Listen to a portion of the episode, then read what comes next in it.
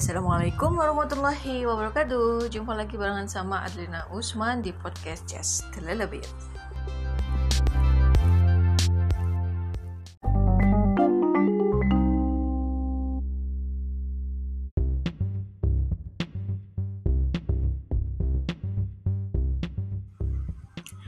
untuk konten podcast sebenarnya topik-topik semacam tasawuf, spiritualitas dan hal-hal yang berkaitan dengan telah ilmiah itu mungkin kesannya agak membosankan gitu kali ya. Tetapi kenapa saya menggunakan media semacam kayak podcast? Uh, sebenarnya berawal dari motivasi yang sangat sepele supaya saya itu uh, dokumentasi terkait dengan perkuliahan gitu ya saya tuh nggak nggak apa namanya nggak repot gitu nggak repot nyimpennya gitu maksudnya. Jadi uh, supaya nggak HP saya juga nggak terlalu banyak uh, terlalu banyak menyimpan dokumentasi yang lain gitu. Dan sebenarnya sih aku benar-benar berharap teman-teman sangat enjoy uh, tentang apa yang coba saya lakukan begitu dan saya juga menikmati diskusi kawan-kawan di grup WA terkait dengan topik kita hari ini di mata kuliah tasawuf jandab yang masih berbicara mengenai uh, sumber-sumber tasawuf gitu ya. Kemudian sejarah uh, pembentukan pemikiran dan perkembangan aliran-aliran tasawuf. Oke. Okay. Terima kasih juga kepada para penyaji makalah yang sangat luar biasa sekali ya dan bisa menghidupkan suasana di kampus meskipun online tetapi antusias dari kawan-kawan juga sangat terlihat sekali dan mudah-mudahan di beberapa pertemuan mendatang juga ritmenya akan seperti ini.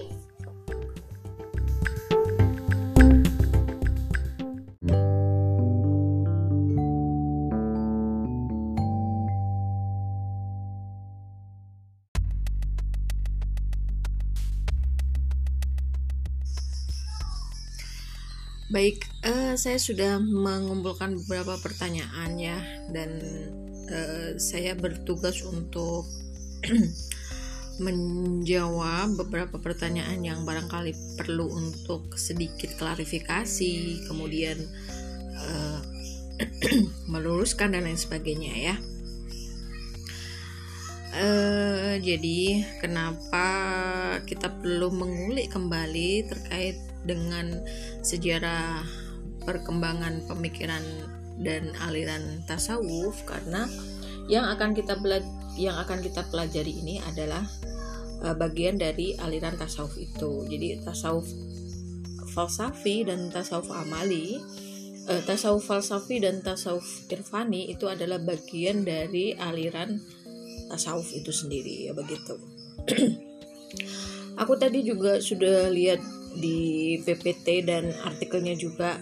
Jadi teman-teman kayaknya perlu membaca dua uh, materi itu karena satu sama lainnya itu saling terkait ya. Jadi ada apa namanya aku nggak tahu ini kenapa kok di Word sama PPT-nya itu terkesan sangat berbeda atau mungkin di artikel Word-nya itu kelanjutan dari PPT atau gimana tetapi well itu sih sebenarnya nggak begitu masalah ya. Jadi uh, tetap sangat-sangat bermanfaat begitu ya. Dan mari kita mulai untuk uh, membahas. Ini saya perlu men-scroll ke atas ya. Karena saya belum sempat untuk uh, menjadikan satu. Jadi belum saya rekap. Hmm, apa tadi yang belum tuntas kali ini ya Oke, okay, pertama kali yang ingin saya coba klarifikasi itu adalah yang pertama, ketika tadi teman-teman itu membahas tentang sumber-sumber tasawuf, tadi yang perlu ditekankan adalah, jadi kan gini, jadi kan gini, uh, tasawuf ini kan merupakan uh, ilmu ya, ilmu yang dibahas oleh banyak orang gitu. Jadi yang membahas tasawuf baik itu sejarahnya baik itu kemudian uh, ajaran-ajarannya itu dari banyak ilmuwan begitu. Baik itu dari ilmuwan yang dari muslim sendiri ataupun dari ilmuwan yang non muslim atau biasanya kita menyebut dengan orang-orang orientalis. Orang-orang orientalis itu adalah orang-orang barat ya yang tertarik uh, untuk mengkaji meriset melakukan riset yang lebih mendalam terhadap budaya-budaya orang timur gitu itu namanya orientalis nah Nah, salah satu dari produk pemikiran-pemikiran orientalis itu salah satunya adalah mengatakan bahwa tasawuf ini bersumber dari beberapa uh, budaya, beberapa tradisi, beberapa pemikiran yang di luar Islam begitu. Nah, uh, mereka ber, berpendapat seperti itu karena mereka mengamati bahwa perilaku-perilaku orang-orang yang uh, berkecimpung di dunia kebatinan ya kayak misalnya biksu kemudian para pendeta kemudian kalau di Islam sendiri itu ada beberapa para sufi itu memiliki perilaku yang cenderung sama yakni apa? Menjauhi keduniawiahan kemudian uh, menggunakan uh, apa namanya simbol-simbol kesederhanaan, hidupnya sangat sederhana, hidupnya bahkan menjauhi hal-hal yang keduniawiahan itu tadi, melakukan tirakat-tirakat tertentu dan lain sebagainya begitu. Nah, atas dasar kemiripan apa yang mereka lakukan ini, kemudian mereka mengatakan bahwa e, tasawuf itu bersumber dari e, terilhami begitu, terinspirasi oleh e, perilaku hidup orang-orang yang non muslim begitu. Lalu bagaimana sih orang-orang muslim e, menjelaskan tentang sumber dari tasawuf itu sendiri? Nah ini perbedaannya di sini. Kalau e, orang muslim ya e, sarjana-sarjana muslim itu mengatakan bahwa apa yang menjadi sumber dari ajaran tasawuf itu tidak berasal dari apa yang di luar dari Islam begitu. Adapun kalau misalnya ada kesamaan perilaku yaitu persoalan yang lain gitu. Tetapi ajaran-ajaran tasawuf misalnya seperti taubat, zuhud, waro, qanaah, syukur dan lain sebagainya itu sangat-sangat terinspirasi, terilhami oleh Al-Qur'an bahkan dicontohkan secara langsung oleh kehidupan Rasulullah Shallallahu alaihi wasallam. Begitu. Jadi kalau dikatakan sumber ajaran tasawuf itu dari mana bu? Ya dari Al-Quran dari sunnah ya. Kemudian dari beberapa eh, tokoh para sufi yang kemudian mengembangkan menjadi beberapa aliran, beberapa tarekat begitu. Itu cerita tentang sumber uh, tasawuf, sumber ajaran tasawuf begitu. Oke, mudah-mudahan teman-teman sudah mendapat pencerahan ya sampai sini ya. Hmm, Oke, kemudian jadi kalau teman-teman baca literasi tentang tasawuf yang ditulis oleh para orientalis itu memang eh, apa namanya beberapa itu yang terkenal misalnya Annemaris Kemal itu salah satu orang barat yang mengkaji sufi yang mengkaji tasawuf itu cukup komprehensif juga teman-teman bisa baca misalnya buku bukunya yang judulnya apa ya kalau nggak salah uh, dimensi mistik dalam Islam begitu kalau nggak salah judulnya. Nah, oke okay, itu ya. Kemudian uh, apa lagi nih? Sejarah perkembangannya. Jadi kalau dulu itu uh, kalau zaman zamannya Rasulullah istilah tasawuf memang belum ada kan Eh, tetapi praktek kehidupannya, praktek kehidupan yang mengandung nilai-nilai kesufian, mengandung nilai-nilai ajaran tasawuf itu sudah dipraktekkan langsung oleh Rasulullah. Misalnya apa? Taubat ya. E, kemudian tidak ini tidak memendam rasa dendam, tetap berbuat baik kepada orang yang jahat kepada kita, menebar kasih, menebar cinta, begitu. E, semangat egaliter, semangat memandang sesama manusia itu sama begitu bahkan yang non muslim sekalipun ya ketika peristiwa piagam Madinah itu kemudian termasuk uh, semangat hidup Rasulullah ketika harus berniaga misalnya. Spirit inter entrepreneurshipnya itu sudah sudah apa namanya sudah dicontohkan langsung oleh Allah eh so, oleh Rasulullah. Praktek uh, berniaganya harus menanamkan nilai-nilai nilai-nilai kebaikan jujur dan lain sebagainya begitu. Oke. okay, gitu tetapi memang istilah tasawuf itu sendiri kalau misalnya teman-teman mencari dalam Al-Quran memang tidak ada itu sudah diakui oleh para sarjana muslim itu tapi sekali lagi ajaran tasawuf itu sudah uh, dicontohkan oleh Rasulullah Shallallahu Alaihi Wasallam secara langsung dalam kehidupan beliau, termasuk sahabat-sahabat, para sahabat, kemudian para tabiin tabiin itu ya.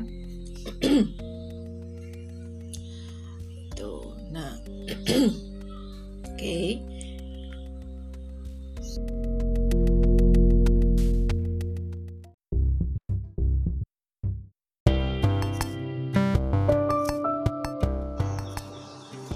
Lalu eh, pada kesempatan ini ya di part yang keempat eh, aku bakalan menjelaskan tentang eh, terbentuknya bermacam-macam aliran gitu ya.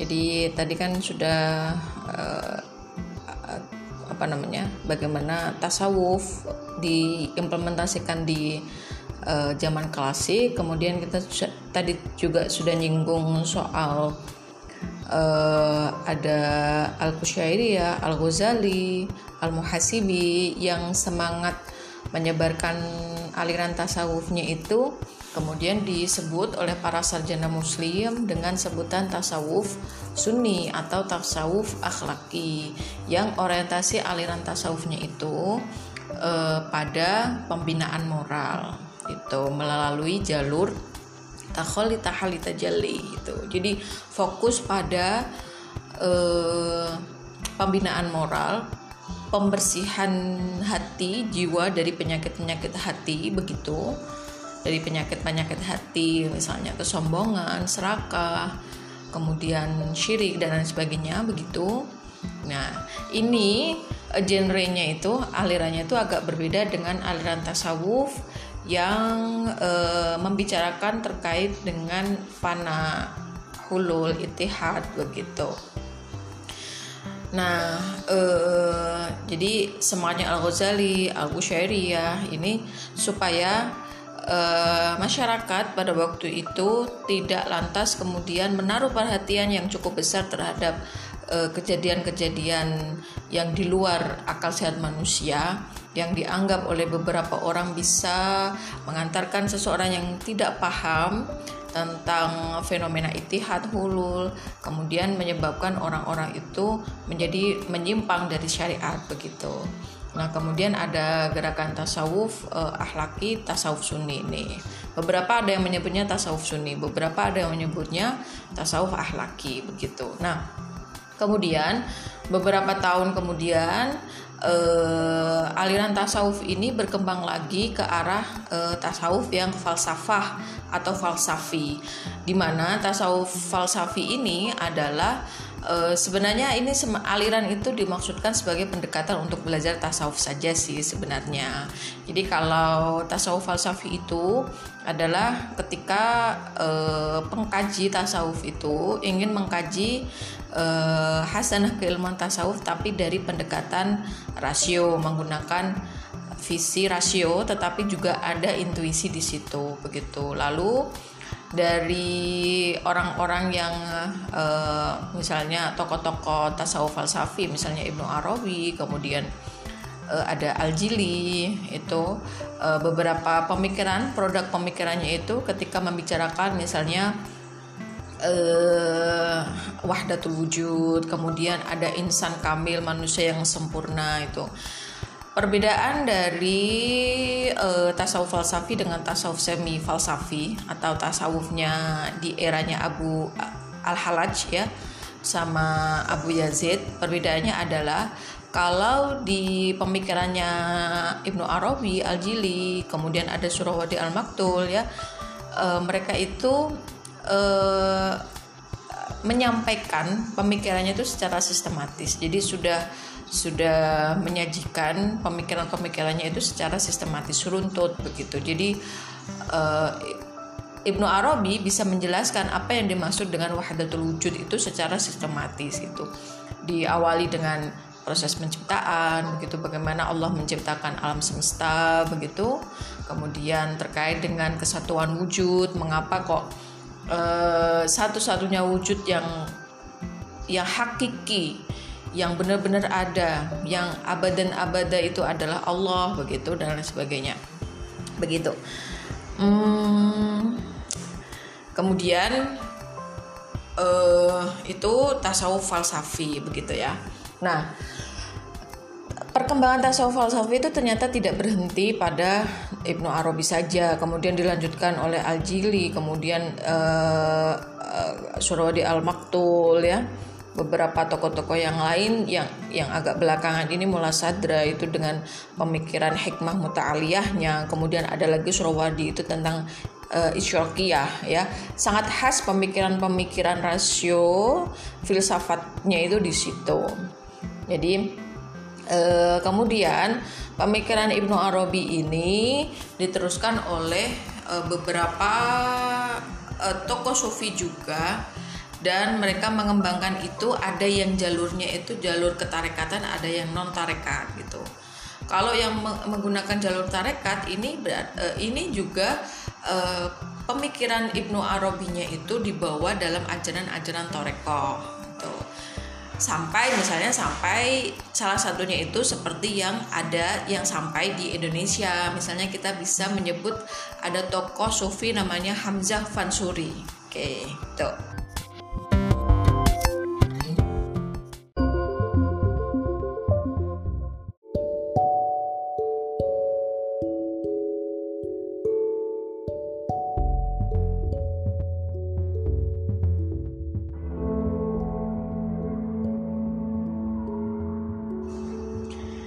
okay, itu ya tentang uh, berbagai macam aliran dalam tasawuf. Jadi ada tasawuf ahlaki, tasawuf uh, falsafi, tasawuf amali dan tasawuf irfani.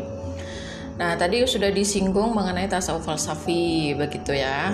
Dan nanti secara lebih dalam akan kita pelajari di pertemuan mendatang. Kemudian uh, untuk istilah sufisme ortodoks dan satu lagi sufisme heterodoks itu ketika membicarakan aliran tasawuf yang dibagi menjadi dua gitu. Dilihat dari bagaimana pendekatannya begitu. Kalau sufisme ortodoks itu uh, apa namanya aliran tasawuf yang mengedepankan uh, semangatnya sama seperti yang telah dilakukan oleh Al-Kushairi, kemudian Al-Ghazali begitu. Gerakan sufisme ortodoks itu diawali oleh para salah satunya itu oleh para fukoha ya. E, salah satunya yakni dari Ibnu Taimiyah yang tidak setuju dengan perilaku-perilaku orang-orang yang belajar tasawuf yang justru malah cenderung untuk menyimpang dari syariat begitu. Atau kalaupun misalnya tidak menyimpang dari syariat perilaku tasawufnya itu terlalu menjauh dari dunia begitu. Jadi perilaku-perilaku atau bentuk kehidupan yang lebih pasif gitu uh, sehingga uh, perilaku yang seperti ini dianggap sebagai salah satu faktor yang menyebabkan umat Islam itu selama beberapa abad itu tidak mengalami kemajuan yang signifikan begitu. Nah, e, Ibnu Taimiyah kemudian di ditambah dengan beberapa tokoh pembaharu di Islam sendiri, misalnya ada Muhammad Abdu gitu ya. Kemudian e, apa namanya melakukan gerakan-gerakan yang kemudian disebut dengan neosofisme atau gerakan tasawuf yang memaknai kembali ajaran-ajaran tasawuf seperti zuhud yang dulu dimaknai sebagai meninggalkan dunia sama sekali. Di uh, zaman neosofisme itu uh, tasawuf tidak menganggap dunia sama sekali negatif tapi lebih menggunakan dunia itu sebagai kendaraan untuk uh, menuju ke akhirat jadi dunia itu tidak ditinggalkan sama sekali Justru tasawuf itu harus mengilhami kehidupan seluruh umat manusia apa pun bidangnya. Jadi seharusnya tasawuf itu bisa masuk ke ranah-ranah e, bidang kehidupan yang lain begitu. Entah itu perekonomian, entah itu politik, entah itu kehidupan sosial yang lain seperti itu. Tetapi tetap e, tidak menyimpang dari syariat begitu. Itu yang sufisme ortodoks. Kalau di sini istilahnya sufisme ortodoks ya jadi yang sangat ketat memegang eh, apa namanya sumber tasawuf itu sendiri yakni Al-Quran dan Sunnah begitu. Nah kemudian kalau yang heterodoks eh, di sini saya setuju apa yang disampaikan oleh Maulana. Jadi kebalikan dari sufisme ortodoks. Kalau sufisme heterodoks atau sufisme filosofis ini ya yang istilah lainnya menyebutnya sebagai tasawuf falsafi itu ya tetapi kalau di sini uh, ya. Oke. Okay. Kalau di sini menjadikan satu antara Al-Halaj dan Ibnu Arabi ya, tadi yang saya katakan sebagai tasawuf semi falsafi dengan tasawuf falsafi. Itu.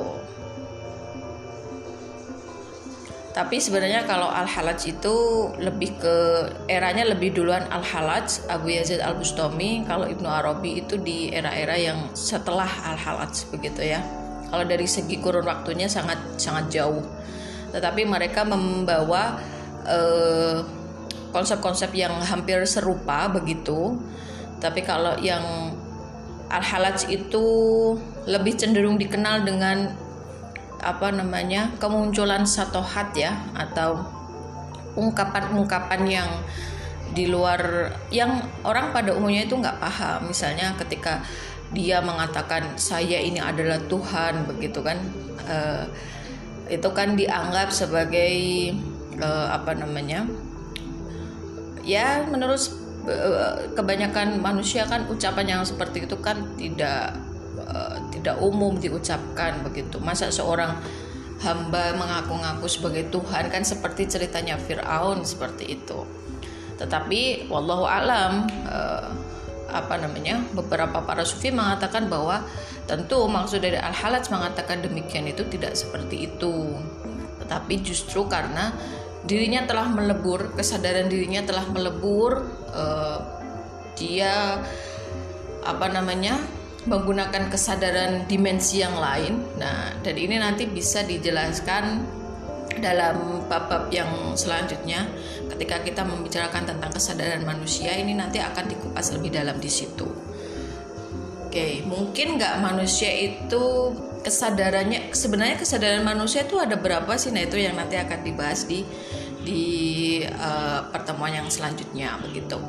Nah, kalau Ibnu Arabi memang ini juga e, banyak sekali para sufi yang tidak se, sepemahaman juga dengan Ibnu Arabi dianggap sebagai golongan orang-orang yang panteis gitu. Jadi orang-orang yang menganggap Tuhan itu banyak, padahal sebenarnya ya tidak gitu.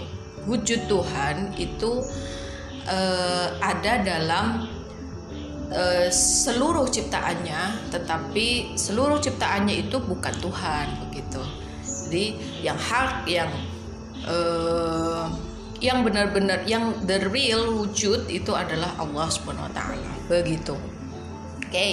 Itu kalau kita membicarakan tentang sufisme ortodoks dan sufisme heterodoks gitu ya.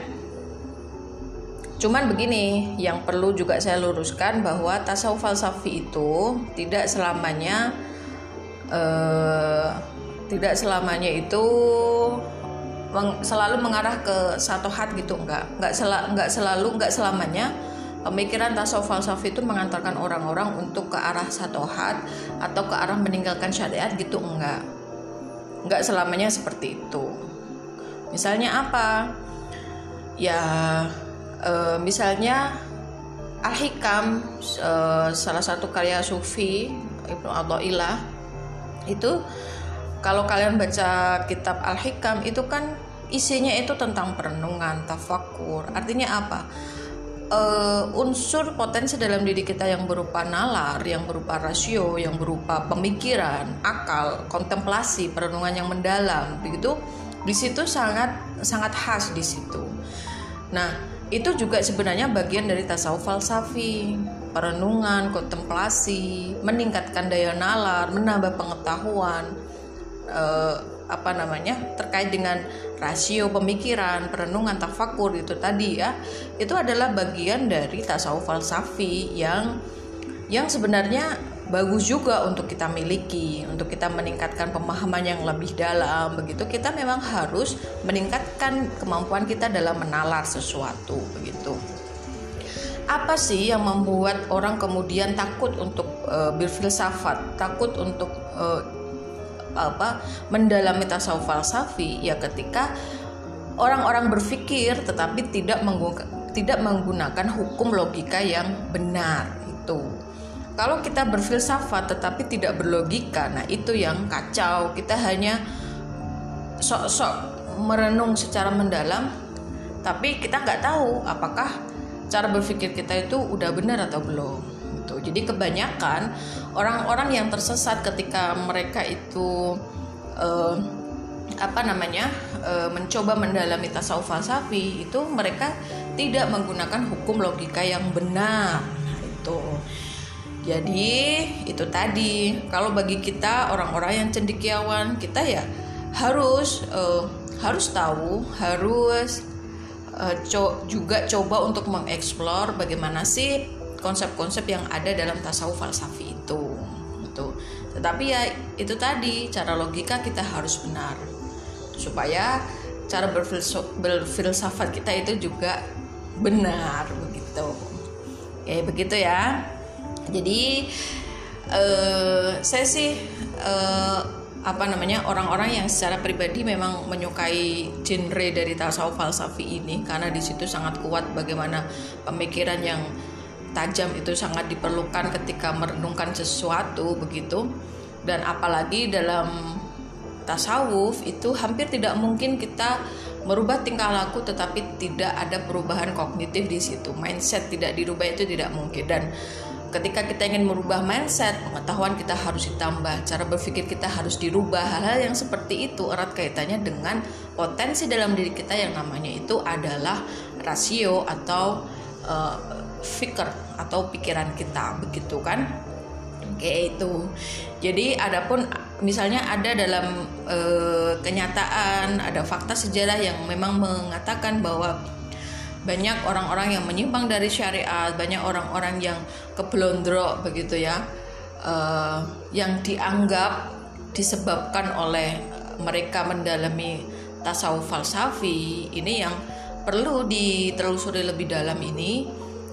Ap, ya apakah memang masyarakatnya yang uh, sangat awam uh, serampangan gitu belajar tasawuf falsafinya atau memang tasawuf falsafinya begitu. Itu yang perlu ditegakkan lagi cenderungannya tuh gimana itu oke kemudian di diskusi yang kemarin itu teman-teman juga menyinggung tentang uh, saya sekilas sih membacanya uh, apakah kira-kiranya diskusinya itu tentang apakah di ajaran selain Islam itu juga dikenal dengan tasawuf.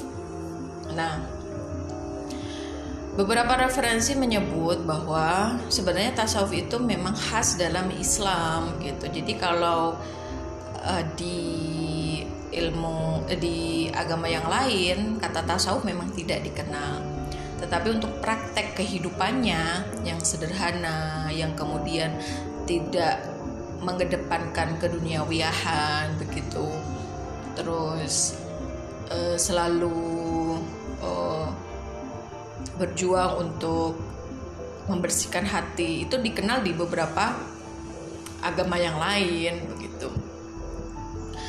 Bahkan e, seluruh agama kan memang mengajarkan norma-norma yang baik ya. Norma-norma yang baik norma-norma yang sesuai dengan hati nurani kita begitu sebagai seorang manusia. Tetapi ajaran-ajaran yang khas misalnya seperti kita mengenal ada istilah makomat, ahwal, kemudian ada zuhud, ada uh, kona'ah, kemudian ada taubat, ada makrifat, ada mahabbah. Itu sangat khas dalam uh, keilmuan tasawuf dan itu hanya dikenal dalam diskursus keislaman saja sebenarnya. Nah, untuk mengenalkan tasawuf kepada orang-orang barat, orang-orang sarjana-sarjana barat, mereka memang menggunakan istilah yang lain, misalnya mistisisme dalam Islam. Karena memang praktek kehidupan yang eh, yang seperti saya sebutkan tadi itu kalau di agama lain dikenal dengan mistisisme juga. Jadi ada mistisisme dalam Kristen, mistisisme dalam Hindu, dalam Buddha gitu ada. Nah, mistisisme dalam Islam itu namanya adalah tasawuf begitu. Nah, tetapi saya juga ingin uh, menambahkan di sini bahwa ketika kita belajar tasawuf, hal yang paling utama diingat adalah tasawuf tidak hanya mengajarkan kepada kita untuk belajar makrifat, tidak hanya untuk belajar itu sebenarnya. Kalau kalian mendengar istilah mistisisme, kemudian digeret ke arah mistik gitu ya mistis mistik gitu kemudian ujung-ujungnya ke arah makrifat ke arah penyatuan ke arah nirwana ke arah moksa misalnya. Itu seperti seolah-olah kita berada dalam dimensi yang lainnya sehingga itu yang menyebabkan tasawuf itu tidak dikenal baik oleh orang-orang Padahal cakupan dari keilmuan tasawuf itu sangat luas. Hal-hal yang seperti itu memang ada dalam tasawuf yang kemudian kita kenal dengan istilah tasawuf irfani itu. Tetapi karena kita juga belajar uh, ruang lingkup tasawuf yang lain, kita juga mengenal ada istilah takholi, tahali, tajali. Kalau takholi itu kita uh, apa namanya? kita rubah perbuatan-perbuatan buruk kita, baik itu perbuatan yang lahir maupun batin, kita bersihkan penyakit-penyakit hati kita, ya. Tidak hanya dengan cara istighfar, tetapi juga ada perilaku, perubahan perilaku yang signifikan. Kemudian tahali, kita senantiasa untuk mengganti perbuatan buruk kita dengan perbuatan yang baik, kemudian diistiqomahkan dua hal itu kalau sudah kita lakukan kita akan mendapatkan yang namanya tajalli atau tajalliyat Allah. Atau apa? Kita dikasih anugerah oleh Allah perasaan kita lebih peka perasaan kita lebih sensitif eh, mudah untuk dinasehati mudah untuk tersentuh oleh keagungan-keagungan Allah ya mudah untuk merenungkan ciptaan-ciptaan Allah, mudah untuk ingat kepada Allah. Oke. Ada telepon masuk saudara-saudara. Oke, aku selesaiin dulu nanti aku uh, beberapa nanti uh, beberapa menit kemudian nanti akan aku tutup ya. Oke, tadi sampai mana? Hmm, itu ya. Jadi ketika kita mendapatkan tajali bentuk dari tajaliat Allah ini macam-macam. Bentuk dari anugerah yang dikasih Allah sebagai hadiah karena kita sudah mampu melampaui tahap takholi tahal itu. Jadi kita bakal dikasih anugerah oleh Allah itu macam-macam gitu. Macam-macam tergantung kapasitas kitanya aja sebenarnya. Ada kalau kalian mau tahu itu tingkatan yang paling tinggi ya Isra Mi'rajnya Rasulullah itu adalah tingkatan tajalli Allah yang diberikan kepada umatnya yang paling sangat luar biasa. Tuh. Nah, kalau buat kita ini tajalinya yaitu tadi yang saya sebut, jadi lebih peka, lebih mudah untuk dinasehati. Ada nggak orang yang susah untuk dinasehati? Hatinya keras. Nah, tapi kalau kita uh, srekep melakukan takholi, kemudian tahali terus menerus, maka kita akan mendapatkan anugerah-anugerah dari Allah yang luar biasa begitu. Nah, uh, misalnya lagi kita memiliki sensitivitas yang lebih baik dari masa-masa yang sebelumnya. Jadi seolah dalam hidup kita itu ada yang membimbing, bukan seolah itu memang insya Allah adalah bimbingan dari Allah ketika kita misalnya di persimpangan jalan kita mau menuju A atau menuju B. Nah mau belok kanan atau mau belok kiri. Firasat firasat saya ini kok kalau kita belok B ini nanti akan seperti ini seperti ini. Saya mau belok ke ke arah kanan saja gitu. Dan ternyata memang kamu berhasil belok kanan arahnya benar ketimbang kamu belok ke kiri. Dan ternyata memang ada hal-hal yang kurang baik. Nah, kamu selamatlah dalam memilih jalan pilihan hidup gitu. Nah itu salah satu petunjuk yang diberikan oleh Allah. Secara tidak langsung melalui bisikan-bisikan Allah yang telah dikasih Allah kepada kita. Itu di situ sebenarnya Allah itu sudah menitipkan sedikit rahasia Allah kepada kita. Jadi, yang dimaksud tajali itu adalah tersingkapnya rahasia-rahasia Allah. Itu. Jadi di kan kita ini kehidupan kita itu sangat penuh banyak sekali rahasia Allah. Apa yang diketahui oleh manusia terpintar di dunia sekalipun itu masih sedikit uh, keilmuannya pengetahuannya dibanding dengan pengetahuan yang dimiliki Allah itu yang dimaksud dengan rahasia jadi tidak semua rahasia Allah itu ditunjukkan oleh semua orang. Ada orang-orang tertentu yang dikasih tahu tentang rahasia ini. Kenapa rahasia? Ya karena tidak semua orang tahu. Hanya orang-orang tertentu. Nanti di komunitas ini di orang tertentu dikasih pengetahuan yang lain. Orang tertentu lagi dikasih pengetahuan yang lain lagi. Jadi bisa jadi pengetahuan yang dikasih Allah kepada hambanya itu berbeda satu sama lain.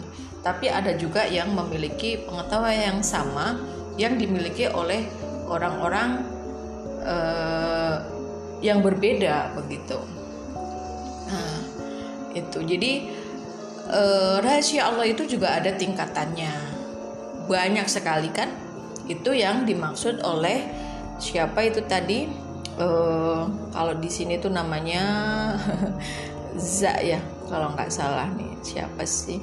Uh, apa namanya? Dia mengatakan ojo apa dia kalau dalam bahasa Jawa tuh bilangnya wilayah wilayah Tuhan gitu ya.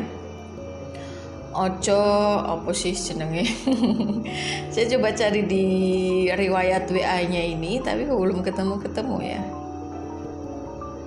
ojo. Jangan masuk ke wilayahnya Tuhan begitu kan kata dia. Apa yang dimaksud dengan wilayah Tuhan? Ya mau tahu dengan rahasia Tuhan gitu. Kebanyak orang-orang yang seperti itu. Apalagi orang-orang yang eh, apa namanya? Ya kita misalnya ya kita khawatir besok makan apa itu juga udah masuk wilayahnya Tuhan gitu. Kayak kayak di si kerso gitu loh apa yang terjadi besok udah kita khawatirkan begitu begitu sangat apa namanya sangat hebat kita memikirkan masa depan. Oh, masa depan itu kan milik Tuhan gitu maksud si si siapa ini tadi yang eh, menyinggung soal jangan masuk ke wilayah Tuhan itu jadi wilayah Tuhan itu berkaitan dengan rahasia-rahasia Tuhan kayak